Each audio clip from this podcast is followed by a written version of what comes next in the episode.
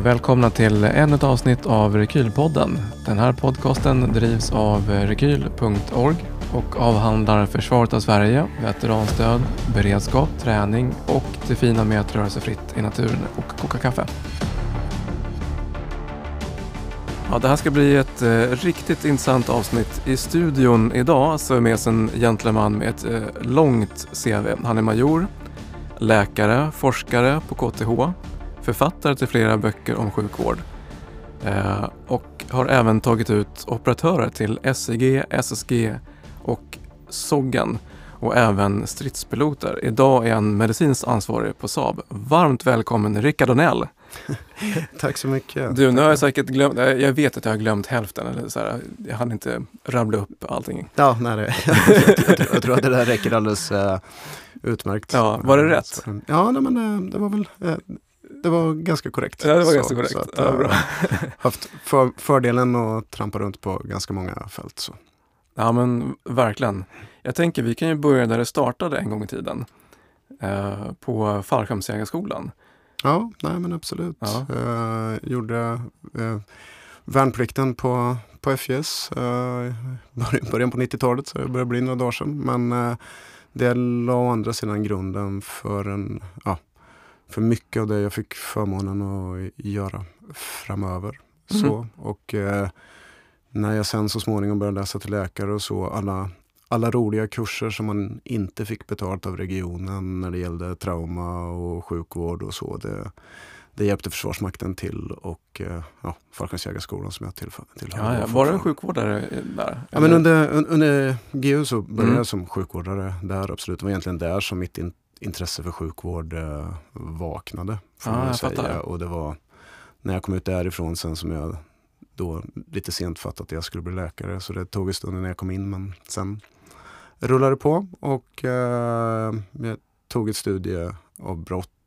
Eh, åkte till Bosnien ihop med en eh, fallskärmsjägarpluton. Det var första utlandssvängen och efter det så tillbringade jag ganska mycket tid i Karlsborg under rätt många år. Men då, du eh, började på läkarlinjen också då, parallellt? Ja, nej men absolut. Så mm. att, eh, efter, eh, efter jag hade slutfört GU och så, så först var jag en sväng på KTH, men jag var inte tillräckligt smart för att bli civilingenjör så jag fick bli läkare istället. eh, så, eh, så kom jag till, ja, och så läste jag läkarlinjen på Karolinska. Då. Men i samband med att FJS skickade en pluton eh, ner till Bosnien då, så tog jag studieuppehåll och åkte med dit. Mm, eh, och sen, sen trillade jag vidare egentligen på, på den, den lediga tiden. Mm som jag hade och som student så har man ju förhållandevis eh, flexibla eh, arbetstider vilket gjorde att jag hade möjligheten att vara i Karlsborg rätt mycket. Just det. Och vad gjorde du i Karlsborg då? Ja, från början så var ju både, ja, dels höll jag på det här med, med sjukvården och sjukvårdsinstruktör men mm. även lite, ja, lite skjutinstruktör och lite av det som, som behövdes i och med att jag hade den bakgrunden. Då. Eh, så jag hade, jag hade förmånen att vara med eh, under den tiden man, man byggde upp en väldig massa verksamhet nere i Karlsborg. Då. Ja men precis, för du var med även på eh, särskilda inhämtningsgruppen, tiden.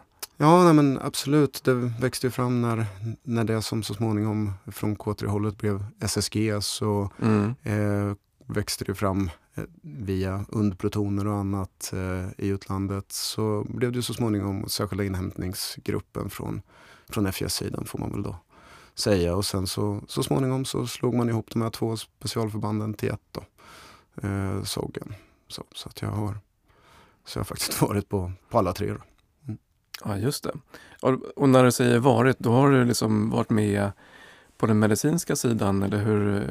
Ja, men, eh, båda delar, li, lite olika på de olika. Eh, mm. så, så att eh, eh, började ju när jag varit iväg på utlandstjänst både som eh, ja, eh, ren, ren driver eller operatör på ena sidan i Afghanistan upp till när jag slutade så var jag ansvarig för, för sjukvården eh, och företagshälsovård och andra delar som vi hade byggt upp. Mm, just det. Så, så att jag har ju verkligen haft förmånen att vara med i det lilla eh, och vara med och provat en massa idéer som har gått åt skogen till, eh, till det som ju idag är något, något helt annat och mycket större. Ja, men fan, alltså jag tänker så här, vilken eh, epok ändå. Alltså du måste ha sett eh, här, omvandlingen av specialförbanden ja, på man... en ganska intressant nivå. Ja, men det, det får jag ändå säga att man hade förmånen att få vara... Det var ju, det var ju förhållandevis i det lilla. Mm. Man, man, var nära till beslut, det var nära till pengar och det var nära till att testa det som skulle provas. Så att eh, eh, i allt från ja, höghöjdshoppning som jag ju idag eh, har forskat vidare på eh, och håller på med på KTH idag till eh, ja, andra tjänstegrenar med dykning och det var i Försvarsmakten som jag fick möjligheten att bli både flyg och dykläkare. Och det var så jag liksom ramlade in på initialt med, med uttagningar till särskilda enheter och pilotuttagningar.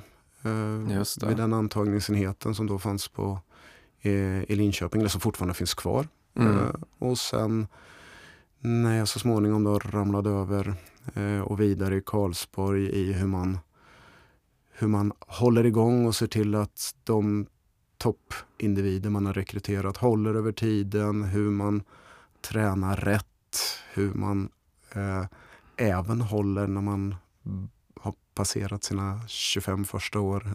Ja, eh, och så vidare. Och hur man, ja, men hur man tränar tjänstemässigt. Och, men då var du alltså med och eh, tog ut eh, folk till specialförbanden, till, både, till alla de här tre? Ja, nej, men, eh, alltså, eh, uttagningarna sker ju i, som, som till alla, som liksom jägarförband med första första sållningar, vidareuttagningar och mm. sen sär, särskilda riktade uttagningar och så. Där jag har varit del i förhållandevis många av dem. Ja. Just det. Men även också sen när de är antagna, att du är med och programmerar dem som är med? Ja, nu är jag ju inte, nu är jag inte kvar där äh, längre. Det, men äh, absolut så, det, det, är ju viktigt och en av de saker som jag har propagerat ganska hårt för och gör i de miljöer där jag är verksam idag. Att om man nu lägger så otroligt mycket tid och resurser på att hitta exakt rätt individ så måste man ju också se till att de individerna får förutsättningar både till, till, ett, till, ett håll, till en hållbar tjänst. Mm. Eh, många tror att doktorn militärt är till för att ta bort den från tjänst men jag anser precis tvärtom. Man är ju, man är ju där för att vara förebyggande och se till att folk är tjänstbara och vid vissa enheter tjänstbara dygnet runt mm. under flera år. Just det. Så. Just det. Men jag tänker, eh, du måste ha stuckit iväg och kört en massa med specialutbildningar parallellt med det här. Att man både är dykläkare och höghöjdsläkare. Ja, nej, jag, jag, är ju inte 22 längre. Nej. Jag, jag, jag, har haft några, jag har haft några dagar på mig att göra mm. eh, det här. Men som sagt var, Försvarsmakten har varit väldigt, väldigt positivt. Eh, eh, nej, jag, jag skiljer Försvarsmakten väldigt mycket måste jag säga. Eh, så att eh, där har aldrig varit den stora skillnaden mellan att jobba i Försvarsmakten och jobba i regionen. När man är klar specialist i regionen då är man del av leveransen och så kanske mm. man får åka på en kurs var femte år eller så här i Försvarsmakten så är det snarare Jaha, du har de här kompetenserna. Då är det faktiskt ett krav att du levererar, att du visar, att du vidareutbildar dig. Annars ska du inte ha den här befattningen. Mm. Så både kraven på individen men även då kopplat till möjligheterna att ta alla de här utbildningarna och så. Och det skulle jag säga är nästan en av de absolut största skillnaderna mellan att jobba som läkare i regionen där jag var ja, ortoped och höll på med trauma och gillade att vara på akuten. Eh, till, eh, ja, till Försvarsmakten där jag, där jag ju idag eh, håller på mest med, med regelverk och se till att vi följer alla, alla krav som är på militärt anställda. Eh, mm. Alla särskilda befattningar finns ju ett enormt regelverk som med medicinska krav som individen ska uppfylla. Just det. Så spann, spannet är ganska stort skulle jag säga i vad man kan syssla med när det gäller medicinspåret inom, uh, inom Försvarsmakten. Med all, allt från att rena utbilda sjukvården till att stoppa blödning och använda Celox till att uh, i andra änden Just Se till det. att man för det lagstadgar att piloterna får flyga eh, och att de tål 9G mm. och att man i slutändan signar ett papper att under ett års tid så tål de den här belastningen. Ja, jag fattar. Så det, det, det, det är ett brett spann och ja, haft möjligheten att jobba inom ganska mycket av det här. Ja, men exakt. Men du har varit iväg, du sa i Bosnien här på 90-talet. Ja. Det var... Och så iväg i Afghanistan och var det Kosovo som det var en underrättelsepluton som du var med i? Nej, eh, jag var inte, jag var bara inblandad i utbildningar mm. till Kosovo. Eh, så själv var jag inte i Kosovo utan mm. jag, var, jag var iväg i Bosnien. Eh, sen har jag varit i Afghanistan och nu senaste svängen så var jag medicinskt ansvarig i Mali. Mm. Så, så att jag har sett lite olika delar och egentligen då eh, haft förmånen att jobba inom ja, allt från att bära ryggsäck som medic till att peka med hela handen eh, ja, eh, på, en, på en fältsjukhuslösning. Så att, ja, nej, men det har, har varit iväg en del i alla fall. Ja, jag fattar. Och du har även varit iväg på andra äventyr också vet jag. Ja, nej men, eh, vi, vi har ju tidigare i andra sammanhang funderat en del runt det här med nätverk och sådär. Eh, ehm, det visar sig att folk ganska snart lär sig vem som säger ja. Och eh, mm. om, om man hjälper till och vara en positiv kraft, vilket jag hoppas jag har varit i en del sammanhang i alla fall, så lär sig folk vilket telefonnummer de ska ringa. Så jag, det är väl egentligen lite så jag har ramlade in på Polarforskningssekretariatet och fick mm. möjligheten att vara på Nordpolen. Och När var det här i tiden? Så då. Och det var en elak fråga. Uh, men det började bli uh, några dagar sedan. Så att 2005 var jag i Kamchatka. Och lite så. Så i den, i den vevan och även på Nordpolen. Just det. Och vad, vad, var din eh, roll där? Var det en forskningsexpedition? Nej, då, eh, Polarforskningssekretariatet, mm. eh, de, eh, när det finns tillräckligt mycket forskare med tillräckligt mycket pengar så har de uppdraget att liksom ordna expeditionen. Och på den typen av expeditioner där man är tillräckligt långt ifrån eh, sjukvård eller kvalificerad sjukvård, ofta definierat som en viss breddgrad eller mm när det inte går att hämta folk med helikopter eller annat, då har man med sig egen sjukvårdsresurs. Mm, så, och då ja, fick jag åka med i dem eh, till de två expeditionerna. Ja, vad tråkigt. Ja, nej, men det var fantastiskt lyx, lyxigt att få betalt för att ta sig till delar av världen som man inte riktigt ja, tar sig Jag kan tänka mig ganska lågintensivt skadeutfall också. Ja, men eh, så är det ju. Samtidigt så ger det ju en liten annan aspekt på de diskussionerna man tar med deltagarna mm. där man talar om att någon HLR kommer vi inte bedriva för det finns ingen uppföljning. Nej, det. det finns liksom inget mer vi kan, kan göra mm. där och då. Så. Så att, då kanske de eh, håller sig skinnet också ett tag? Ja, ja, ja. till viss del kanske men äh, så är det. Så, att, äh, nej, men, så, i, så i den aspekten så har jag gått isbjörnsvakt på Nordpolen. Mm. Ja, lätt exotiskt. Ja. Men när man tänker sig eh, att, att vara till exempel sjukvårdsansvarig i Afghanistan mm. eller i Mali, så här, hur tänker man kring sjukvårdskedjan? För det är samma sak där. Det finns såklart möjligheten att kunna köra en eh, medvac, alltså en eh, evakuering med helikopter och så vidare. Där, alltså, det, det skiljer ju ganska mycket och det är en av de sakerna som vi som jag skulle säga svenska försvarsmakten står inför nu. Omställningen från det vi nu har gjort i snart 20 år med mm. insats, insats, insats där vi mer eller mindre i Afghanistan bara behövde knäppa med fingrarna så hängde en helikopter och så var vi av med patienten vilket gjorde att det var tourniquet, det var snörande förband, alltså det var Celox, man packade med hemostatiskt förband och sen var man ju nästan av med patienten. Mm. Eh, allting fokuserat på kort trauma, blödning, vilket vi ju har tjatat sönder och alla har jättebra koll på idag. Alla har sina tourniqueter, alla har eh, Celox och eh, hemostatiska förband. Det skiljer egentligen helt från när jag blev klar läkare. Då var jag ansvarig för ATLS-fakulteten en tid på Katastrofmedicincentrum och utbildade mm. läkare i hur man tar hand om trauma på akuten. Och då mm. stod vi ju precis tvärtom och så sa vi att aldrig första förband, sätt all, eller förlåt, aldrig avsnörande förband. Eh, inga tourniqueter, vi kommer att få amputera allting. Och idag så står vi och säger precis tvärtom. Alltid ja. tourniquet mer eller mindre. Ja, för det är inte att man måste amputera för att man kör avståndande förband med tourniquet. Inte så. Vi är egentligen tillbaks till det de visste redan eh, efter första världskriget mm. om Napoleonkrigen. Att det är blödning som är den stora eh, dödaren eh, i den här typen av skadepanorama. Eh, vi har ju, och det var en av anledningarna till att vi valde att lyfta över TCCC-fakulteten till Sverige. Så att eh, 20, någon gång där 2012, 2013 där så var jag med och startade upp Svenska TCCC-fakulteten. Vi hade ett Just gäng. Det, och TCCC, det står för? Förlåt, eh, Tactical Casualty Combat Care. Just det. det är kort sagt hur man ska ta hand om skadade under en pågående fientlig handling, om någon skjuter på en eller om det nu finns något annat. Mm. Där man då delar in det här, care under fire, tactical field care och så vidare. Mm. Vem gör vad när man skjuter? Ja, det bästa sättet att rädda den skadade är att skjuta tillbaka. Mm. Men den enskilde kan sätta ett avsnörande för, förband på sig själv till exempel. Just det. det smartaste är kanske inte att själv springa ut till exakt samma ställe där vederbörande blir skjuten utan det kanske faktiskt är som så att den som är skadad själv kan dra sig skydd mm. och man kan göra nästa moment när, när det inte finns någon fientlig eld i, i motgående riktning längre. Det.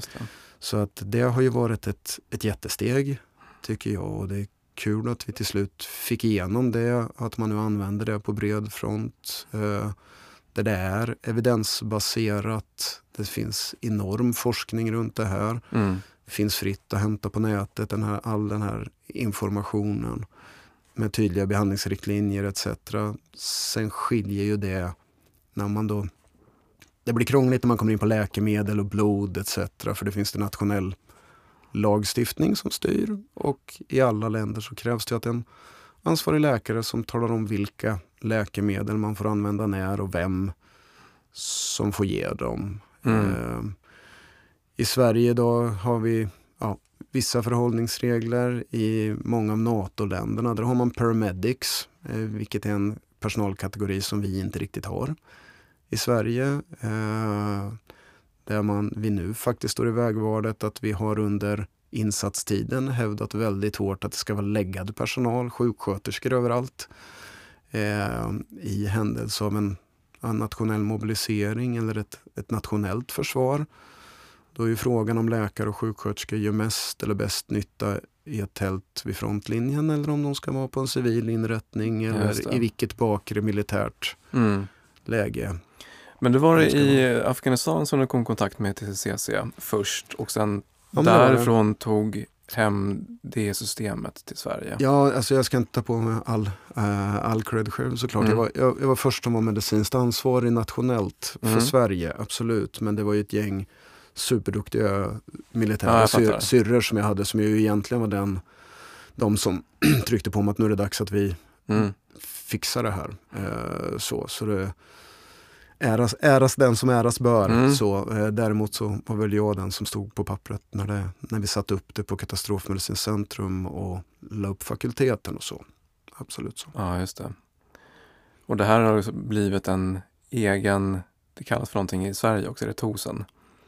Ja, nej men alltså eh, nu får jag ju chansen att säga lite min version då, men det är ju eh, Tosen, man, man gjorde en egen variant mm. lite och nu glider man ju. Den, den är ju baserad och uppdateras enligt TCCC och, och så. Det, många av de här olika systemen som idag finns, eh, oavsett om man använder all, alla de här bokstavsförkortningarna som vi nu ska komma ihåg, där man ju i Försvarsmakten tar litet C, ABCDE, eh, i vissa civila delar L, ABCDE och man i NATO kör March. Eller, alltså, mm. Summa summarum, alla första bokstäverna idag fokuserar på livshotande blödning. Det är det vi gör idag. Mm. Eh, vis, eh, vilket skiljer sig. För än en gång när jag kom ut och när jag gjorde eh, värnplikten för hundra år sedan så alla var, var, alla hela svenska befolkningen visste att andning, blödning, chock mm. eh, kunde vi. Eh, så, och idag har vi ju switchat det så vi, liksom, vi börjar alltid med livshotande blödning och så kommer luftvägen airway efter det. Mm. Plus att de flesta sådana här minnesramsor idag är eng engelskspråkiga eftersom nästan all traumalitteratur, allt det vi gör och om man nu även blickar lite framåt mot, mot NATO och så med det internationella samarbete som vi har haft i många år mm. Så är det ju generellt eng engelskspråkiga Just det. Eh, minnesramsor som används. Ja, intressant resa. Jag tänker det måste vara kul att ha sett den eh, resan också, inte bara den här fysisk träningsresan hur man programmerar folk i Försvarsmakten och producerar soldater så att säga. nej, men, nej men så är det ju. Det har, varit, alltså, det har, det har ju hänt en väldig massa och eh, Försvarsmakten har ju tagit, det är, det är ny, nya krav, nya, nya Samtidigt som, som man ska säga träningsgraden hos svensk ung befolkning har ändrat sig. Eh, med, eh, samtidigt som ungarna blivit längre så har även medelvikt gått upp och lite annat och träningsgraderna varierar mm. eh, på ett annat sätt än vad de kanske gjorde tidigare så har ju även kraven på de som faktiskt gör militärtjänst idag ändrat sig. Hur, hur har kraven ändrat sig? Nej, men, man kan ju titta, jag tycker det är lite, eh, lite, dels har vi ju bundit fast oss själva i ganska uttalade regelverk. Så det, det man tidigare kunde utbilda värnpliktiga soldater eh, finns det idag vissa certifikat eller körkort eller alltså utbildningstiden för att uppfylla alla regelverk mm. är förhållandevis lång idag. Det är svårt att klämma in allt en värnpliktig ska hinna lära sig på den tiden de har och helst vill, ju, vill vi ju kunna nypa kvar dem ett år till och fortsätta ut, och utbilda dem och så småningom få dem som fast anställda. Men även den, den nivån på utrustning och annat som man använder idag ställer krav på ja, ett, ett annat kunnande för vissa, vissa tjänster när man tittar på tekniska tjänster. Just det. Och där skulle jag nog säga att Försvarsmakten är väldigt, ja, väldigt duktig. Många av de värnpliktiga eller de yngre man träffar både före och efter de har hamnat på olika befattningar. Många av dem har ju själva reflekterat över alla, alla min grupp är, är som jag. Mm. Ja, och, och för, väl, för specifika tjänster är det ju så. De är ju uttagna på grund av hur de kan multitaska eller hur de fungerar i grupp eller för deras matematiska kunskap.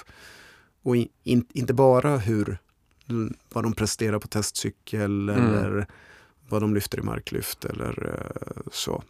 Nej, men jag tänker så här, för länge sedan då hade vi ju hela ett ganska välutbyggt värnpliktssystem.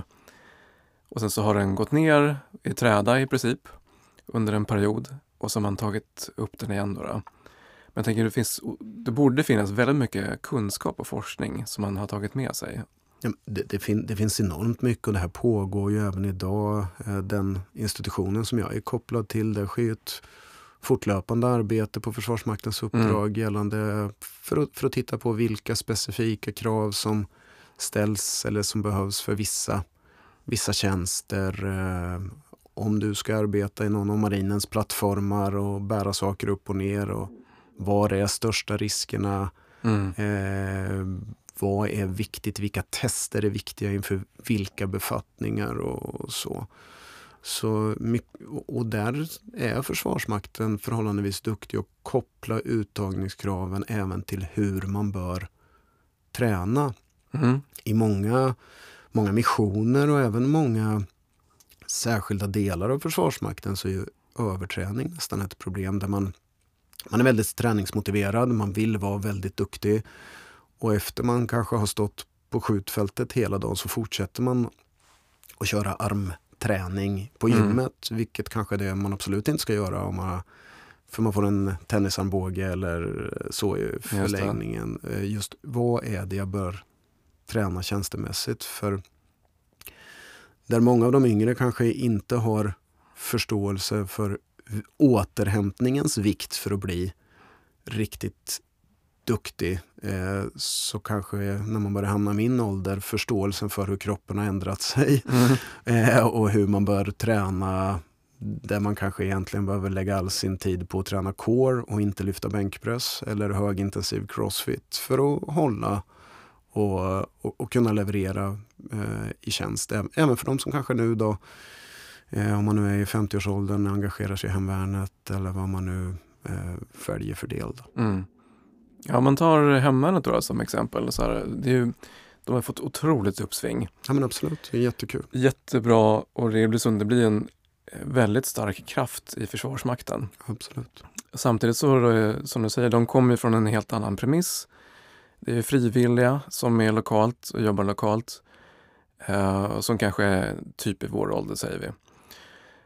Um, vad skiljer dem ifrån någon som är in och jobbar då, då kanske, eller gör värnplikten? In, jag tänker så här medicinskt, vad är det som händer i kroppen som gör att ja. de behöver träna annorlunda? Ja, alltså om man, om man, om man börjar i, om man, om man börjar i träningsspåret så är det ju till exempel bara en sån sak som Alltså där man i 20-årsåldern har helt fulla vattenfyllda diskar i ryggen. Man, hela, hela systemet är uppblåst och man är mm eh, man kan röra sig och nästan missköta sig eh, hur mycket man vill och kroppen läker över natten. Eh, när man hamnar 40-50-årsåldern och diskarna i ryggen börjar sjunka ihop kotorna kan glida i förhållande till varandra. Ryggproblem är väldigt vanligt. Och om man då inte till exempel har lagt förhållandevis mycket tid på bålstabilitet och då börjar lyfta marklyft eller vad man nu får för sig för att komma i, eh, i form så är det förhållandevis många som får eh, ryggbesvär. Och det är viktigt att förstå det här att när till exempel då ryggen, som jag skulle säga är väldigt vanligt av de som jag har kontakt med, när man, eh, man, man, man, får ryggbesvär. Eh, men det är ju en av de saker man faktiskt kan träna bort det mm. absolut mesta. Träning, bålstabilitet, de här basövningarna, plankan, marklyft, knäböj. Alltså de här basövningarna har bättre effekt än vilken läkarbehandling vi kan hitta på. Ja men precis, det, gäller, det tar ju tid att bygga upp det här också. Ja, och det, det, är ju inte så ovanligt det här när man då bestämmer sig för att nu ska man ta tag i det här och man ska engagera sig i hemvärnet eller man ska springa maraton eller vad man nu ska göra så, mm. så har man ju den mentala bilden av vad man presterar i 20-30 års åldern och var ens träningsgrad ja, ska ligga. Och så drar man igång och så får man en hälsporre eller mm. något annat som det tar ett halvår att läka ut och så tappar man hela motivationen. Och så, eh, det, det är väldigt viktigt att man, att man anpassar sin belastning, att man ger musklerna hos en träningsvan, de svarar oftast ganska bra och snabbt. Däremot om man inte har tränat på ett tag så är det, det är ledband, det är senor, det är muskelfästen som måste få, få chansen att hinna med för att tåla den belastning man har tänkt sig. Så ju äldre man blir desto längre träningshorisont mm. krävs det. För att, om vi pratar från den, den, som inte har tränat några år. Har man, mm. har man hållit igång kontinuerligt så är det ju något annat. Men jag tänker eh, om man ska om man ska titta på ett program, hur skulle man eh, kunna lägga upp till exempel Core? Eh, vad, vad, hur borde man bygga Core? Alltså, core är i grund och botten ganska enkelt men det är som all annan träning, den ska göras. Eh, och många, ja, oh, det är så tråkigt att träna core. Och, mm. och, om, man, om man går ner till gymmet och tränar core några gånger, ja då kommer man att sluta. Det, det viktigaste är ju att hitta i sin normala rutin. Om man nu, om man nu är, lägger tid på gymmet eller om man lägger tid i spåret eller vad man nu gör, att man hittar core-övningar som man kan lägga in i sin normala träning. Det tror jag är helt avgörande för att det ska bli gjort. Um, när man lyfter skrot så får man ju oftast ganska snabbt svar. Och så, oj, nu blev jag så här mycket starkare, så här mm. mycket större eller beroende på hur man nu väljer att träna. Medan core eh, efter tre till sex månader så kanske man känner att nu har faktiskt inte haft ont i ryggen på bra länge och undrar vad det beror på. Ja, eh, så det, det, det, det, är en långsiktighet på, på ett annat sätt mm. samtidigt så att om man gör det regelbundet så kan man minimera det antal gånger man har besvär från ryggen eller så. I, när, man, när man tittar på den här vanliga ryggonda. Sen finns det såklart Eh, om man nu får ett akut diskbrock eller så, det går inte att träna bort. Men utan, där, där, är operation bra. Men, men i övrigt så, så mycket av den ryggsmärta eller stelhet eller så, det kan man faktiskt träna bort. Om man regelbundet lägger in den typen av, som, som plankan, Eh, en av de enklaste sakerna att använda vid är en sån här helt vanlig pilatesboll som finns för ett par hundralappar mm. eh, på sportbutikerna där man eh, istället för att sitta i soffan och titta på tv kan sitta på pilatesbollen. Mm. Målet med en pilatesboll är att du ska kunna sitta på den utan kontakt med backen. Eh, att du har händer och fötter i luften, då har du en bra core kan vi säga. Ja, Men det går även på, på gymmet om man nu om man nu råkar tro, tro och tycka att bänkpress är en bra övning.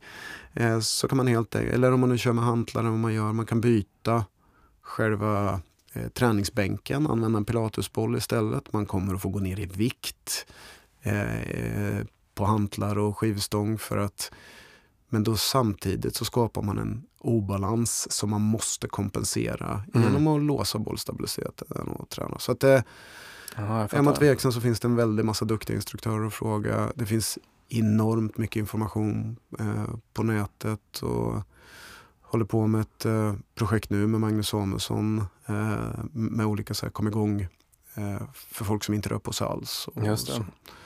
Ja, kan se om vi kan skicka en länk här i show notes sen också. Mm. Mm. Jag tänker mig också att eh, core, som har en stark core, så blir många andra rörelser och eh, övningar enklare. Ja, nej men, nej men absolut så. Och det är ju många, ja, inklusive tidigare nämnda Magnus, eh, så som, eh, som inser att man lägger en enorm massa tid på träning om man vill bli jättestark eller jättesnabb eller så. Men många av de som har lagt tid på core eh, och, och, kanske börjat lite, lite senare inser att eh, oj, jag blev faktiskt väldigt mycket starkare i den övningen jag ville vara stark i. Så i, i, eh, inte bara det att core-träning faktiskt mm. skyddar mm. mot, mot smärta och så senare utan även det att i det man faktiskt vill bli bra på så har man en stark bål så hjälper det även när man ska stärka upp sina stora segel om vi säger så. Är, är masten stark så kan man hänga på mer segel. Ja men precis, bra liknelse där. Mm. Ja, ja, men spännande. Men du också, jag såg att du figurerade också i eh, Elitstyrkans hemlighet här. Ja. ja. nej, men, Många strängar på den lyra. ja, jo, nej, men, eh. Apropå att se så här, hur, folk kan prestera. Ja, um. och det jag måste säga, det, jag tycker det är en rolig produktion att mm. och delta i. Det är spännande och det är ju enormt många duktiga, väldigt högpresterande individer som vi haft förmånen att ha med i den här. Då. Så mm. att, eh, eh och där skiljer det ganska mycket i hur många av dem har ju en, en specialidrott eller en specialinriktning. En del har kört triathlon eller en del ja, har lyft väldigt tungt och så. De har ju inte riktigt tränat tjänsteinriktat på ett sätt som man kanske gör i Försvarsmakten med tydligt fokus på att man ska orka bära kroppsskydd och ryggsäck och mm. vad det nu är man har för tjänst. Då. Men det är absolut en... Eh, där är ju min uppgift som det även var i Försvarsmakten. Att hur hårt kan man vrida på? Vad tål de och när svimmar de? När måste vi ge dem mat? Eller hur lite energi kan vi ge dem och hur hårt kan vi belasta dem? Ja. Har du varit med och designat uh, uppgifterna som de ska läsa också? Uh, till viss, det här är ju till viss del ett koncept. Mm. så, men när, när det gäller vad och hur och utformningarna så är det klart att vi har en del att säga till om. Mm. så det, det, viktigaste för mig i slutändan det är att säga till när det blir farligt. Ja, men jag förstår. så, I samband med uttagningar så är det ju inte allt för ovanligt att folk vill dra doktorskortet. Mm. Där man själv efteråt kan säga att eh, nej, det var, jag, jag hade hur mycket kvar som helst men det var doktorn som bröt mig. Ja, eh, och så gör vi ju inte. utan eh, och, och, det är därför en del kanske tycker att det låter elakt när man säger i tv att det här det gör bara ont. Mm. Det är, men, men det är inte farligt. Ja. Eh, så, så det är ju så är det, det är så. En, ja, men det är en skillnad mot om man kanske hade träffat mig på en vårdcentral där man säger att ta det nu lugnt i 14 dagar och se vad som händer. Mm. Utan här är det, det, är upp till dig. Det gör ont men det är inte farligt att fortsätta. Är det farligt att fortsätta eller man riskerar livslånga men, ja då är det självklart att då går jag in och bryter. Just det. När är det inte farligt fast det gör ont? Oftast, höll, jag, höll, jag, på att säga. Men alltså, med, med, den typen av extrema belastningar som förekommer både vid, eh, ja, som Elitstyrkans hemligheter eller vid den typen av uttagningar som man har till särskilda enheter, det, det gör ont. Eh, på, eh, med, med den höga fysiska belastningen och den minimala mängd av sömn och energi som man tillförs så går man ner kanske ett knappt kilo om dagen, mellan ett halvt till ett kilo om dagen. Eh, och de flesta som deltar i det här har inte en väldig massa extra kroppsfett utan tvärtom, man bryter muskel. Mm. Det ökar risken för att man går sönder vid de här mm. typerna av belastningar. Vilket en, en gång då ställer krav på att man är hyfsat väl eh, förberedd. Så. Just det. Och när du drar läkarkortet, vad är det som har hänt då? Så att säga? Ja, nej, men ibland är det ju som så att eh, när folk inte tycker det är så roligt längre. För många av de här sakerna är ju inte speciellt Alltså det, när man tittar på Försvarsmakten, mycket om det man ska vara bra på, det är ju inte så himla roligt att bära ryggsäck när det regnar och är kolsvart och iskallt och man är genomblöt. Ja, exakt. Eh, och då, ni har ju haft ett par andra deltagare i den här podden som har pratat om det här med, med skallen och mm. alltså, det, men, den mentala biten som John pratar en hel del om. Där man liksom, det är det som är det viktiga och det handlar ju om att de individer som söker olika befattningar kan koppla på sin egen drivkraft. Och det är ju därför, till, även i, i den här tv-produktionen, eh, vi skriker ju inte på dem på samma sätt som man kanske gör i England eller USA. Utan det handlar ju om individens förmåga att hitta sina egna drivers och mm. vad är det som får mig att kunna gå de här extra stegen eller fortsätta. Eh, vad är det som motiverar mig?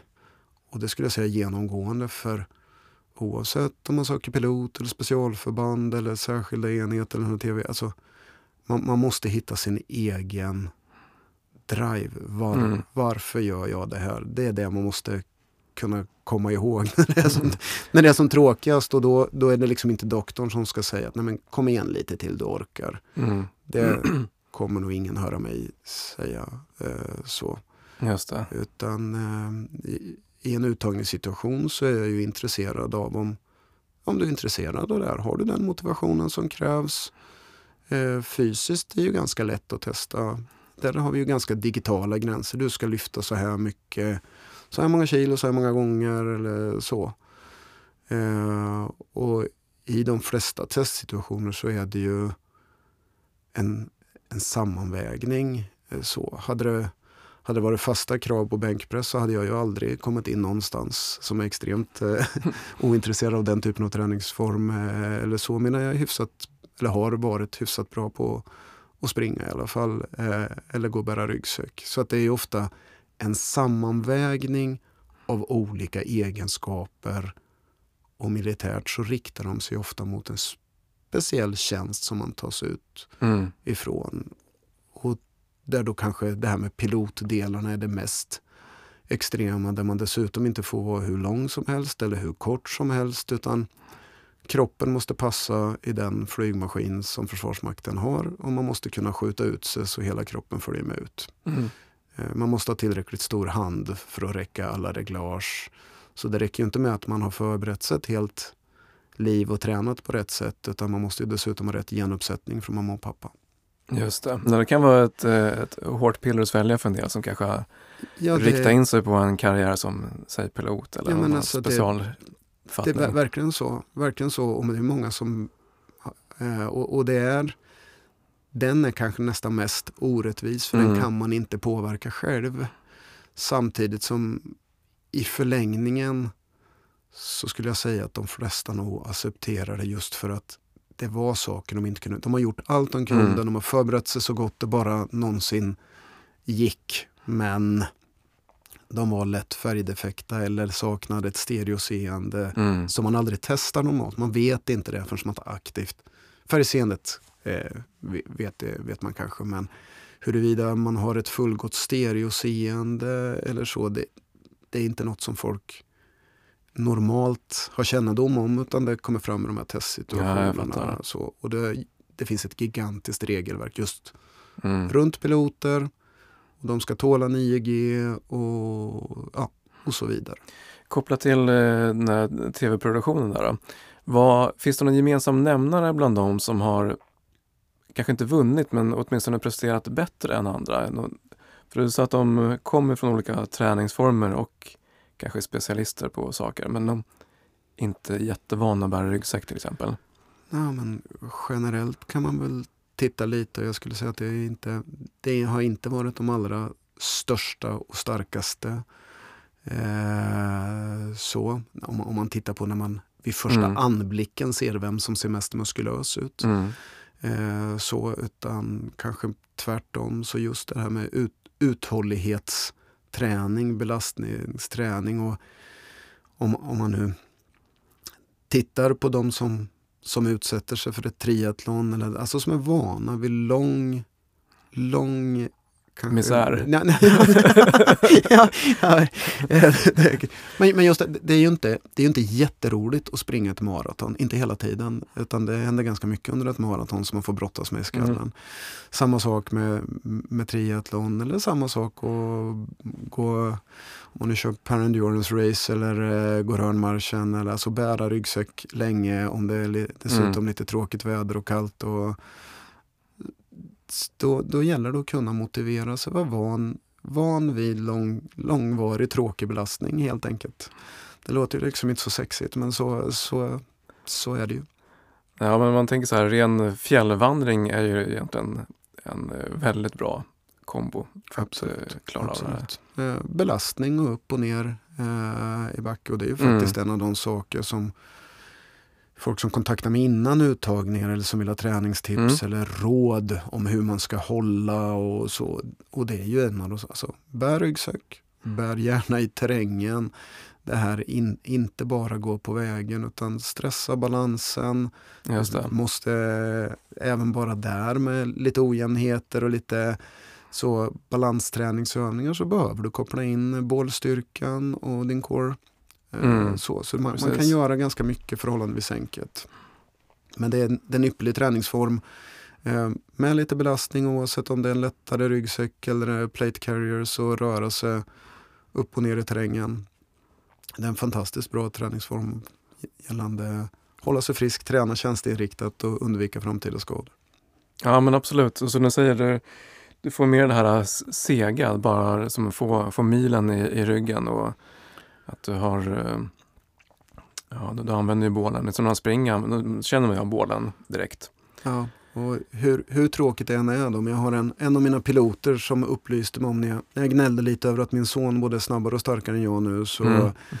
så han, tittade han mig i ögonen och så sa han det Rickard att det förstår du väl att det är mycket enklare att trimma en Formel 1-motor än en folkracebil.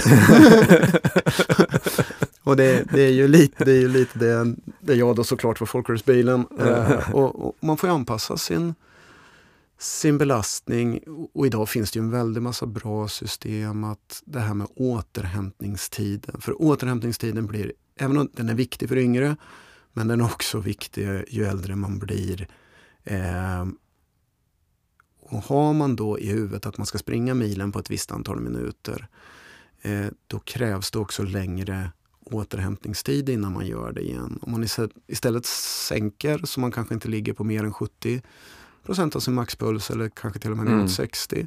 Men det här med lågintensiv träning, då kan man träna varje dag. Mm. Man kan fortare bygga upp sin uthållighet, fortare få med ligament och ledband och minska sin återhämtningstid om man nu vill komma igång. Men det, det vanliga, och framförallt om man tränat mycket innan, det är att så fort det börjar kännas schysst och kroppen svarar så vrider man på för att komma tillbaka till tidigare ja, nivåer. Exakt. Och då hinner inte ledbanden riktigt med eller att man får en inflammation i axel eller i, i armbåge. Ja, men där märker vi också, särskilt när man kommit upp i åldern, att man, man behöver den här återhämtningen eh, oftare. Som du säger, särskilt efter man har presterat bra. Då, då. Ja.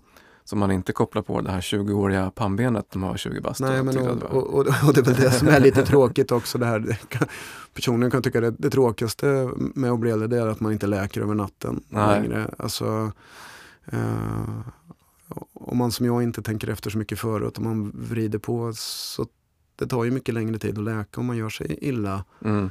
Eh, eller om man överanstränger sig, än vad det gör när man är 20-25 där man kan utsätta kroppen för ganska mycket och ändå vara hyfsad vi hade ett par uh, gentlemän som var, gick uh, Parendurance Race för inte förra året, utan förra, förra året. Eller gick ska jag inte säga, de sprang. Mm. Men ja. hade de, då hade, och de var ju 50 plus. Och då, de hade hoppat över en tävlingsomgång så att säga. För att under mer än ett års tid bygga upp sig. Mm. Det är helt fantastiskt. Eh, alltså dels genomförandet i sig var helt fantastiskt. Mm. Med, det, det, var intressant, de har ju en ny, ny, ribba för det där skulle jag säga. Ja men helt klart. Men, de, ja. men å andra sidan förberett sig enormt strukturerat och dedikerat i vad, vilket såklart gav resultat. Mm. Ska försöka grotta i hur mm. deras upplägg verkligen var mm. men jag tror konceptet var i princip att ja, de springer maraton och de ser att det finns folk som är eh, lätt överviktiga som springer maraton, det vill säga med extra kilon och ändå ta sig runt den här sträckan. Ja. Eh, och då börjar de lägga på små vikter i sina ryggsäckar för att kunna springa men börjar litet och sen mm. så mm. stärker upp eh, lite muskler här och var mm. och sen över tid så funkar det. Ja men absolut. Så att de eh, satte verkligen en ny nivå på den här tävlingen helt ja. klart. Nej men så, så är det. Enormt imponerande. ja. Eh, så, och det är ju lite för att komma tillbaks när man om, om, även när man tittar då på hemvärnet eller om man nu vill engagera sig och komma igång. Även från sjukvårdssidan ger det lite nya utmaningar när man tittar på nationell sjukvård. Där vi, det 20 år som sagt vi, vi har varit utomlands, det har varit yngre, friska, inga mediciner, det har varit överträning eller det har varit skarpa skador i utlandet. När vi tittar på nationellt försvar och vi, om man är mellan 50 och 60 ska komma in, förhållandevis många av er har börjat käka blodtrycksmediciner eller man har börjat få en diabetes. Det ger, ett, det ger också ett annat krav på den medicinska kunskapen som, ja om det nu är en läkare som ska göra det i fält eller är det en plutonsjukvårdare eller på, på vilken nivå, hur det nu kommer att se ut. Mm. Men det ställer andra krav när vi nu återigen växlar tillbaks till ett nationellt försvar, ett annat panorama och när man tittar på ja, utfallet och vad som är problemen i Ukraina Bortsett från rena stridsskador, men även det här när man börjar ta in andra personalkategorier som har en grundsjuka. Eh, så ställer den andra krav även på sjukvårdsresurserna eh, i en försvarsmakt eller en liknande uppgift. Ja, men det kan jag tänka mig. Det är ju som du säger, en vältränad 23-åring är ganska lätt att ta hand om för den, kroppen tar hand om sig själv så att säga. Eh, till, till viss del så. och sen är det som sagt var den här med det, det, krävs andra saker och även eh, beredskapen med att ha den typen av läkemedel mm. över tid. Um, så. Det vanliga är det vanliga och det har det varit även i missionsområdet. Uh, så. Luftvägsinfektioner, maginfektioner. Uh, mm. så. I de fall vi haft uh, ja, skarpa skador, ja, då är det eh, Celox, det är toniker, det är, liksom, det är där och då och sen direkt i operationen. Vi har haft jättebra resurser för det. Men när man tittar på en, på en bredare mobilisering eller om det ska in andra personalkategorier eller folk som har börjat komma upp lite i åren, då finns det också en, en grundsjuka eller en lägre träningsgrad eller det finns betydligt fler parametrar att mm. fundera runt. Hur funderar man runt det? Ja, men alltså dels är det som du säger, man, vill, man funderar ju även hur man ska hitta möjligheter till att faktiskt uppmuntra folk att röra på sig mer så att mm. de är mer grundtränade. Man tittar på olika varianter även för sjukvårds... Alltså för de, för de militära sjukvårdsenheter som idag ska ställa om till att plan, planera för något annat. Eh, det krävs ju an, andra typer av lager, andra typer av utrustning där man eh, där man i en insatsmiljö kanske bara har sagt narkosläkare, narkosläkare, narkosläkare. Mm. Så kanske den hetaste specialiteten i ett nationellt försvar är distriktsläkare, distriktsläkare, distriktsläkare. Eh, så, mm. självklart. Och för alla ska kunna stoppa blödning. Mm. Det är något som, jag har varit med och drivit ett koncept med Jägarförbundet som heter Vård i det vilda. Där det handlar om att stoppa livshotande blödningar hos människa och hund. Eh, så, det är egentligen samma behandling. Eh, på människa använder vi tourniqueter. Vi använder Celox både på hund och människa för att stoppa livshotande blödningar. Eh, och det är ju allmän kunskap. HLR, alltså hjärt-lungräddning, vanlig hjärt-lungräddning har fått en enorm spridning. Och det är ju på nästan snart i stort sett alla arbetsplatser. kan det gå en HLR-kurs. Eh, du kan köpa dina kit färdiga och öva hemma framför tvn bäst du vill. Mm. Eh, det finns en jättestor beredskap och vi, vi har hjärtstartare högt och lågt i samhället nu. Men när det kommer till traumatiska hjärtstopp Alltså om man har fått en hård smäll eller explosion eller blivit påkörd eller ramlat eller så. Då krävs det massa mer saker. Då är det inte bara hjärtkompressioner och en defibrillator som ingår utan då krävs det mer medicinsk vård. Och det innebär att ska man då ha en medicinutbildning för, för trauma eller militära krav så kanske det är mer adekvat att fokusera rent på livräddande åtgärder. Mm. Det vill säga stoppa blödning, håll fri luftväg. Och det är ju allmänkunskap. Det ska ju alla kunna kan, man, kan jag tycka. Och den, även om många upplever att den tröskel är enormt hög mm. att ta sig över. Och där, där måste, där måste jag säga att det här Vård i det vilda konceptet har utbildat en väldig massa jägare och, och sänkt tröskel för att folk ska våga mm. agera. Just det. Ja, men vi kan komma tillbaka till det, men jag tänker gå tillbaka till eh, eh sjukvårdskraven. Mm. Tänker du att det är olika krav, jag tänker så här, som du säger, för hemvärnet och för övriga Försvarsmakten? Eh, jag skulle säga att det, det skiljer lite när man tittar på antagning och tjänst. Mm. När man gör antagningsundersökningar då förväntas ju antagningsenheten tala om att du ska hålla en hel livstid i Försvarsmaktens tjänst. Mm. Eh, man tillåter ju ganska, eh, eh om, om, igen då, pilot, eftersom de piloterna har ganska extrema krav som de är ganska tydliga att peka på. Det krävs eh, perfekt seende och så vidare.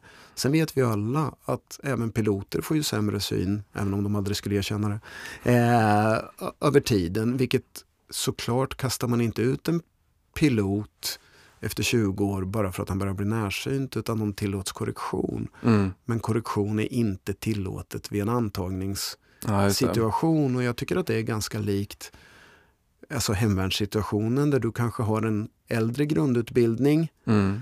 där du uppfyllde kraven där och då för den tjänsten du hade. Men man kan inte ha samma antagningskrav för att ta tillbaka vederbörande om han, han eller hon söker hemvärnet i 50-årsåldern. Nej, För då blir det inte så många som Nej. kommer in utan alltså kroppen ändras, förmågorna ändras. Eh, så. så ja, det kräver en anpassning. Det är jätteviktigt som du själv var inne med på det här med, med att träna för att, för att ge sig själv chansen att lyckas om man nu vill engagera sig mm. igen, vilket ju hemvärnet är en av de absolut viktigaste delarna inom Försvarsmakten nu. Och även, jag tänker den medicinska kedjan där man, som du säger, du kanske ska ha en distriktsläkare. Så kör man, tänker ett scenario där du har den bara i, i regionen eller att man inkorporerar den i eh, som det, säga, Försvarsmaktssjukvården? Det, det, finns ju en fråga som man, som man har tassat runt lite skulle jag mm. säga, som man nu har börjat att adressera. Man har ju dubbeltecknat raderna för legitimerad personal. Man har ju både kunnat vara heltidsanställd i regionen och stå som tillfälligt anställd i Försvarsmakten. Ja, det blir ett problem såklart. Ja, det är, är ju så nu när vi eh, tidigare när vi bara eh, inte bara men till största delen var missionsinriktad mm. så hade vi svårt att hitta läggad personal och skicka iväg. Eh, om man då tittar på en allmän mobilisering, var går gränsytan mellan det civila sjukhuset mm. Militärt har vi en sjukvårdskedja som bygger på transport bakåt. Mm. När, när ska man lämna över vem vart? Ja, den är det... Var går den skärningslinjen? Och var gör legitimerad personal mest nytta. Mm. Dessutom har vi ju tappat ganska mycket legitimerad personal från den civila vården.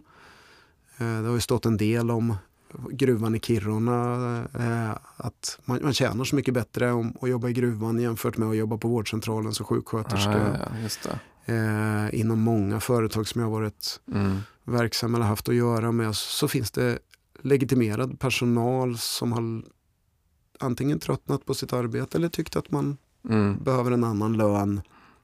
Så man har helt enkelt bytt. Så även nu i fredstid så har det väl inte undgått så många att man säger att det är brist på sjukvårdspersonal, det är brist på läkare, mm. brist på sjuksköterskor. Samtidigt som vi aldrig varit fler än vad vi är. Eh, och det är brist på vårdplatser. Och där någonstans kommer man ju här i, i hyfsad närtid att försöka bestämma vilken personal som ska vara var när. Den där var ju intressant. Jag tänker på ett större perspektiv och stresstesta den. Se hur den kan funka. Det är många som är intresserade av den. ja, för, absolut så. Ja, den kan vi säkert följa upp här vid något tillfälle. Nej, för den är ju den är viktig, för som du var inne på, det är inte bara så, ta hemvärnet då till exempel, mm. att du har, ska kunna klara dig 90 dagar innan du får någon form av avbyte. Mm. Uh, och sen hur det avbytet kommer ske, det, det låter vad jag stå fritt för mm. mm. fråga. Um, men också, då, då kommer det ha folk som har en annan, vad ska man säga, en sjukdomsbild också. Och som du är inne på, då kanske det är distriktsläkaren som ska kunna ta hand om det. Och, ja, den är intressant att följa upp den där. Och det, det, är ju även så i den, i, den, i den vanliga vården idag så säger vi att vi ska trycka mer och mer eh, vård ut på distrikten, mm. ut till vårdcentralerna. Vårdcentralsdoktorn ska vara ansvarig för en väldig massa saker. Mm. Eh, så, men eh, om man tittar på om man nu tittar på en situation där hemvärnet ska vara aktiv i 90 dagar i en, ett skymningsläge där det inte är, är pågående anfall eller strider som man mm. väntar sig något större skadeutfall. Ja, då är det ju det vanliga. Då är det infektioner, det är nageltrång, öron, nej men alltså mm. så. Och då kanske det inte är en kirurg som gör mest nytta på den förbandsplatsen mm. utan det är en distriktssköterska eller kanske allra helst en distriktssköterska. Just det. Alltså där sjuksköterskor faktiskt mm. har kanske en ännu viktigare roll än läkare i mycket av det som jag tror kommer bli utfallet här framöver. Ja, intressant spaning. Det där vore kul att grotta mer i såklart sen när det börjar ta lite mer form. För jag misstänker mm. att det, man behöver också ha någon tempoväxling ifrån att säga att du går från ett skymningsläge till eh, ett skarpt läge. Och då måste man kunna veta att då kommer de här resurserna finnas på plats, eh, på rätt plats också. Så, så är det ju. Det fin finns ju en väldigt massa arbeten som pågår med det där såklart i mm. olika, mm, ja, i olika tjänstegrenar mm. eh, och, och, myndigheter. Men, men det är ju bra om man kan vara hyfsat rörlig och eh, när man nu tittar på vad som har hänt i Ukraina och där man faktiskt på ett helt annat sätt än vad som var i vare sig Bosnien, mm. eh, Mali eller Afghanistan där man använder Röda Korset som rikttavla. Ja. Eh, där medellängden på sjukvårdstransporterna är väldigt låg och där man faktiskt aktivt bekämpar mm. sjukvårdstransporter. Det gör ju också att vi hamnar i ett läge med prolonged field care. Alltså vad händer i ett, ett system som kanske är designat för snabb avtransport när jag inte blir av med min patient? Mm. Om jag sitter i ett tält där det bygger på att jag blir av med den jag har behandlat för att kunna ta in nästa. Vad händer när jag inte blir av med patienten? Mm. Och när man tittar på det här akuta traumat, ja, packa Celox, ett, ett bra första förband. Och som i Afghanistan som sker så, så var vi av med dem, så behövde vi inte göra så mycket mera. Men efter ett par timmar om man har utsatts för trauma så kanske luftvägen börjar krångla. Eh, efter ytterligare lite tid så börjar det med infektioner. Ska vi ha kvar en, ja, en skadad som inte går och står, mm. ja då är man som på äldrevården på vändschema, omhändertagande, tvätta, hur löser man toalett? Mm. Alltså, det ger en helt annan problembild än det här akuta traumat som vi har levt i när vi agerat i utlandet och det nästan alltid har funnits sjukvårdstransporter, avtransport eh, och så. Utan här hamnar man ju i en alltså, vård. Och där tror jag även att det kommer krävas ett större utbildningsbehov hos många av de som är aktiva inom mm. sjukvårdsskrået. Man måste återta den kunskapen om, alltså som sjuksköterskor har. Eh, man, ja, brukar raljera lite över att jag saknar omvårdnadskompetensen eftersom, eftersom jag är läkare. Eh, men eh, det, är, det är just det de är duktiga på, undersköterskor och sjuksköterskor som bedriver mycket av den här vården som aldrig syns på ett sjukhus. Som faktiskt kommer att bli ett, sannolikt kommer att bli ett problem när vi, om man inte får en lyckad avtransport. Eh, det är så många rapporterar om från Ukraina att jajamän, vi, vi stoppar blödning. Mm. Eh, vi ser till att och göra allt enligt TCCC eller vilken, ja, vilket koncept vi nu följer. Men de dör för de blir kalla. Mm. Alltså av hypotermi, ja. vilket många av oss för länge sedan alltid tränade för. Vi, vi utgick från hypotermi. Nu har vi verkat under ganska många år i bara plus 40 länder. När det har varit 40 grader varmt istället, mm. där de största problemen var att hålla folk kalla. Nu gäller det att komma ihåg det här. Hur skyddar vi patienten mot kyla? För även om vi lyckas stoppa en blödning här och nu, blir en patient kall så kan man börja reblöda där, där nedkylning och hypotermi är en del av de här dödliga triaderna och det man pratar om där patienten blir sur och dör även om vi har gjort helt rätt åtgärder mm. från början. Så um, vi har ett återtag att göra av en del av det vi kunde förr där man kan uppleva att en del myndigheter har lite kort organisatoriskt minne. Eh, vi har haft stor omsättning på personal om man tittar på Försvarsmakten. Och det, eh, det finns ett annat behov eh, av, av, utbildning och kunskap. Ja, men jag tänker det här behovet till exempel då att stoppa blödning, det är eh, som du säger, de, de som har hängt i, från Afghanistan och framåt kan det. Ja absolut och det, det, det, är, det är en av de viktigaste kunskaperna som jag även skulle säga det, det, har blivit så himla tydligt. Alltså när, vi, när vi fick Celox, det, det var ju den stora game changer när vi verkligen kunde stoppa blödning. Mm. Vad är det som händer? Berätta om hur den funkar. Eh, Celox är en produkt, det har ju funnits andra, andra produkter också. Med, I början hade vi Quicklot, nu är det ju Celox mm. som gäller. Men Celox bildar en propp själv. Man packar det här direkt mot blödningen. Det bildar alltså en, en egen propp. Det är inte beroende av kroppens egna koaguleringssystem. För många av de som får allvarliga skador, de har ju redan tappat en massa blod. De har inte så många blodkroppar och eh, koagulationsfaktorer kvar och därför är den här CELOX som bildar en propp själv eh, avgörande i att stoppa den här blödningen. I praktiken kan man, man kan skära hår på ett hjärta och trycka det mot och det funkar. Mm. Eh, jag har själv använt det första dagen i, jakt, i jaktlaget där en eh, jaktledaren, en mycket vältränad man i 80-årsåldern eh, i samband med att han eh, skulle ta ur älgens slant och satte kniven och skar av eh, arteria femoralis, alltså den stora pulsådern i låret. Men eftersom han hade oh. ett par moder moderna funktionsbyxor så ja. såg han inte att det blödde så mycket och han fortsatte. Ända tills det började klafsa i stövel och då ropade han upp på radion och så sa han det att eh, jag blir ju när jag svimmar. Varpå vi konstaterade att det var nog viktigt att ta sig dit. Eh, och det var ju bara tack vare att han just då var vaken och kunde svara. För han, som jag hittade honom och gjorde exakt det. Stoppade eh, på med tourniquet, packa Celox, lägga tryckförband och få stopp på den här blödningen. Och här blev det också ganska tydligt det, försvar, det som är allmän kunskap i Försvarsmakten, där varje enskild soldat kan de här handgreppen, så är fortfarande inte den här tillgänglig i alla regioner eller ambulanser. Alla ambulanser idag har inte tourniquet eller Celox. Eh, det som hände i det här specifika fallet, trots att jag, jag ringde till operation, jag talade om att han skulle opereras och när han kommer in på akutmottagningen så är inte den sjukvårdspersonalen familjär med vare sig... De visste att man inte fick sätta tourniquet så de tar bort tourniqueten. Eh, och sen visste man inte vad Celox var så man tog bort det. Ja.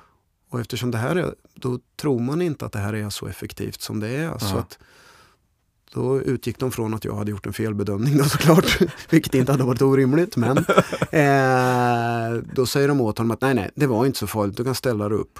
Var på den här proppen då, ja, och han började spontant blöda igen. Oh, och så slutar det med akutoperation, fem påsar blod och så vidare. Eh, så, så, att det är enormt bra grejer. Alltså vi har, men det viktiga och hela den här kontentan, även om det varit en längre utvikning, det är det viktiga är inte vilken doktor du träffar utan det är vad du kan själv eller den som står närmast dig kan. Mm. Det är viktigt att den som är närmast dig stoppar blödning och det är tryck. Tryck, tryck och tryck. Så har det mm. varit sedan Jesus gick i sandaler. Mm. Därefter så är det avsnörande förband och det är sel också och packa och göra ett bra förband. Då har man gjort allt man kan och det bör vara allmänkunskap tycker jag. jag. Ja, särskilt också i kontexten som eh, man ser skadeutfallet i Ukraina där det är mycket splitter. Och, men eh, om man tar hem det till Sverige så ser man också att det finns mer jag... ett annat panorama av, av skador i det civila också. Där det här kan vara väldigt eh, värt att kunna. Ja, men, tyvärr är det ju så att vi ser ju en ökad, både med, med penetrerande våld, explosioner och så. Det, när jag började då åkte läkarna till Sydafrika eller USA för att få lära sig operera skottskador eftersom vi inte hade några i Sverige. Mm. Eh, idag behöver man inte åka utomlands längre tyvärr. Utan vi har ett helt annat utfall.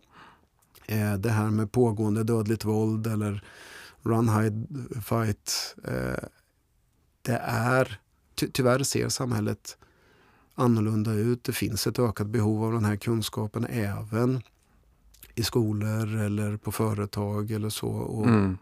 Jag ser faktiskt framför mig att man kanske kompletterar det här med, med HLR-bildningen till att man faktiskt fokuserar på livräddande åtgärder. Ja, eh, så. för HLR som du säger, den är, som, den är så allmän vedertagen. Den finns, barnen lär sig i skolan. Enkel, låg och ja. alltså, lättillgänglig. Många kan då ha gjort den här repetitionen mm. en väldig massa gånger. Och då kan jag kanske tycka spontant att det vore bättre att köra i alla fall varannat år med livräddande åtgärder. Eh, att man även tar in det här. Är det säkert för mig att gå fram?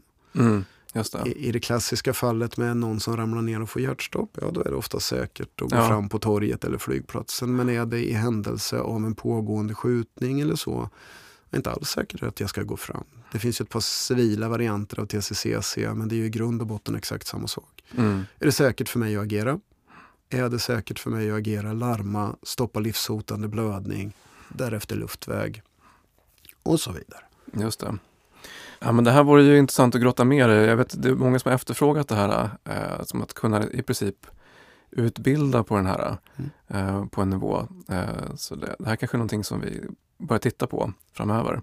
Ja men det vore superkul. Då får, får vi göra ett upprop och se hur många som är intresserade. Ja, eller hur. Vi har trycka igång det. själv så här sökt på så här, söka om man kan köpa den här på nätet men det, typ, det finns knappt. Nej, det, det är på gång och det finns på fler och fler ställen men det har mm. varit svårt om man inte har varit, ja, inte köper hela lådor eller så. Nej men då ska man vara yrkesaktiv också. Jajamän. Så att som privatperson har varit mäcket. Så är det. Så är det. Och skulle man gå med i hemvärnet för att bli sjukvårdare, hur många veckor var det? Jag kommer inte ihåg, 24 eller ja, det var. Ja, nej, men så är det och där finns ju olika varianter. Eh, än en gång då kopplat till att vi har ju haft en ganska uttalad akademisering i samhället skulle jag säga. Och det har även såklart spilt över på Försvarsmakten och när man då ska certifiera eller mm. verifiera mm. olika utbildningar så tar de längre och längre tid och svämmar ut mer och mer. Eh, så. Det finns ju en del andra lösningar på det. det är även ja, till exempel Arvidsjaur har varit väldigt duktiga i att skapa olika koncept och eh, mm. komprimerade ja. utbildningar där man minskar tid och jag tror att det, det är nog ganska viktigt att man hittar en sån lösning och framförallt för tidvis tjänstgörande mm. personal. Det, det, är svårt att vara borta från sin arbetsgivare i 20 veckor för att bli sjukvårdare. eh, och här din, finns... din semester kommande ja, nej, men, åren? Eh, nej men lite så. Uh, och jag har ju ja, varit med och tagit fram olika sådana här DRT-koncept och Deployment Ready Training, ett där man ja, är den för uh, Saab? Den är för, det är för tjänsteresenärer, så, uh, bland annat ihop med International SOS. Och mm. där, vi, ja, där, där, folk som åker på riskländer uh, får en grundutbildning i livräddande åtgärder mm. och sen tilldelas de Celox, samt tourniquet och en del av de sakerna som normalt bara militären har. Men den här kunskapen sprider sig ju i samhället och tyvärr så finns det ett ökat behov för den även i ja, utanför den militära kontexten. Ja men absolut. Men, men ska man vara krass så är det ju som så att det kanske är större, om man tittar på många arbetsplatser och så, så är det kanske större risk att du hittar någon som har skurit sig illa på en plåt eller på en kant eller en bilolycka mm.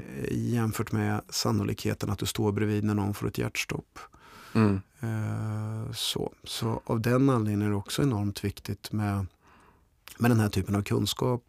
Där, ja, som sagt var jag personligen har en förhoppning på att man kanske då vinklar sig mer mot livräddande åtgärder. Mm. Ja men som du säger, liksom den här första tiden när det kommer fram till någon som eh, har akut blödning är otroligt viktig. Mm. Därför att det går inte att reparera sen. Nej, men i de koncepten som vi lärde ut i början på ATLS och när vi liksom eh, för ganska många år sedan, där ingick det ju att alla skulle ha två liter dropp. Vi skulle fylla mm. på alla med två liter vatten direkt. Eh, vilket ju med facit i hand, eh, det kanske inte var så smart att späda ut blodet och göra eh, så mycket. Men det var ju även specialenheter i Sverige då som innan inbrytningar och insatser hade satt nål. Man hade alltså en färdig nål in, eftersom det in, innan man gjorde sin inbrytning. Oh, intressant. Men då, ja, då har man ju kanske hamnat i extremläget åt andra hållet. I, idag trycker man ju väldigt hårt på vilket kanske inte ja, det är alltid enkelt att titta i retroskopet och titta mm. baklänges som man borde ha tänkt. Men det känns ju logiskt att försöka behålla så mycket blod som möjligt i kroppen om det blir ett läckage. Och det innebär att precis som du sa, det absolut viktigaste är att så fort som möjligt skapa tryck och stoppa blödning. Ja men precis. Ja, det, där, det, är, det finns eh, väldigt mycket kvar, både i den eh, civila kontexten men även i den militära kontexten tror jag. För att alla i hemvärnet, vad jag vet i alla fall, har inte den eh, möjligheten att kunna stoppa blödning. Nej, det är inte som det ser ut nu, det tror jag inte. Däremot så har de mycket, mycket bra idéer och mycket bra företrädare mm. som mm. tittar på det här och som är väldigt drivna. Eh, skulle jag säga. Så att eh, ja, tror att man så småningom kommer hamna där också. Man bara hittar mm. ett format för utbildningen som kan matcha tidvis tjänstgörande. Ja men precis, för en sån här en utbildning i stoppa blödning, hur lång tid skulle en sån ta säger vi? Ja, men alltså, eh, när det gäller liv, livräddande åtgärder eh, och för att det ska vara hanterbart och man ska lära sig de akuta åtgärderna som är viktigast. Mm. Så skulle jag säga att fyra timmar så hinner man öva mm. Eh, jag tror personligen, må, många av de här kurserna, jättebra utbildningar, certifierade utbildningar, men många av dem är förhållandevis mycket powerpoints, teoretisk utbildning. Teori är grunden för mycket men det kanske inte är alla som behöver det utan man behöver träna handgreppet praktiskt. Vad är det jag ska göra? Mm, det. Och det är också det som sänk... Har man provat att packa ett hemostatiskt förband. Alltså man provat att packa sel och vet hur det känns och hur man ska göra så blir tröskeln lägre och göra det på riktigt. Ja, som du säger, det är ingen, så här, det ingen mystik kopplat kring Nej. det här som det var förr i tiden med tourniquet och sådär. För just för det första akuta livräddande omhändertagandet så krävs kanske inte samma förståelse i hur kroppens koaguleringssystem eller mm. fysiologi fungerar. Det kommer senare och bakre läge eller nästa vårdnivå eller när det kommer en läggad personal. Eller vad det är. Men just den livräddande åtgärden, tryck mm. och skapa fri blödning. Mm. De två sakerna behöver man oftast inte förstå varför, bara man fattar att det är så man räddar liv. Mm. Ja, men precis. Eh, så. Ja, grymt. Superkul att ha haft med det här. Det börjar bli dags att runda av. ja, ja. ja, det är alltid intressant att lära sig massor med eh, nya delar.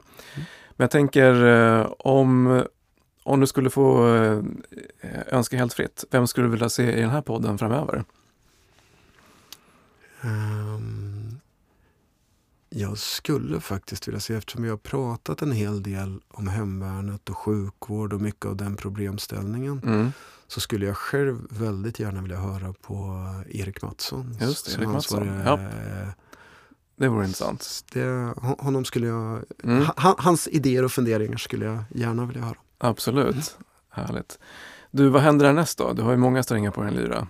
Ja, nej men uh, det, uh, vi kommer att köra på med det här med, med, med Vård i det vilda. Vi håller på att mm. skapa en digital utbildning och lite det här du var inne på hur man på ett enklare sätt ko kommer åt även Celox och den här typen av material. Så, mm. så att det och olika mobila sjukvårdslösningar i mitt normala arbete. Mm. Spännande. I hur det går att göra. Det är ja. jag kommer att hålla på med.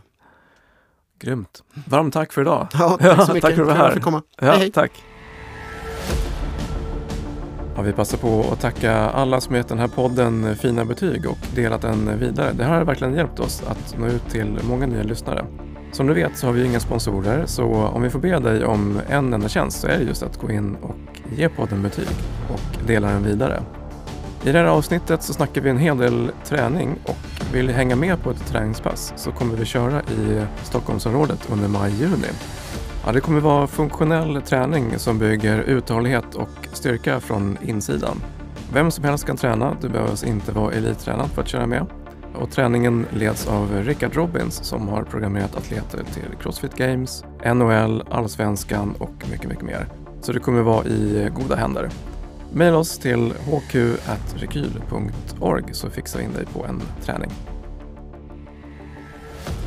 Om du tycker det verkar eh, värdefullt att kunna stoppa blödning och vill lära dig hur du hanterar en skada effektivt så tittar vi just nu på att sätta upp en separat kurs på fyra timmar för det här. Eh, och vi har tillgång till väldigt bra instruktörer som kör utbildningen i linje med TECC.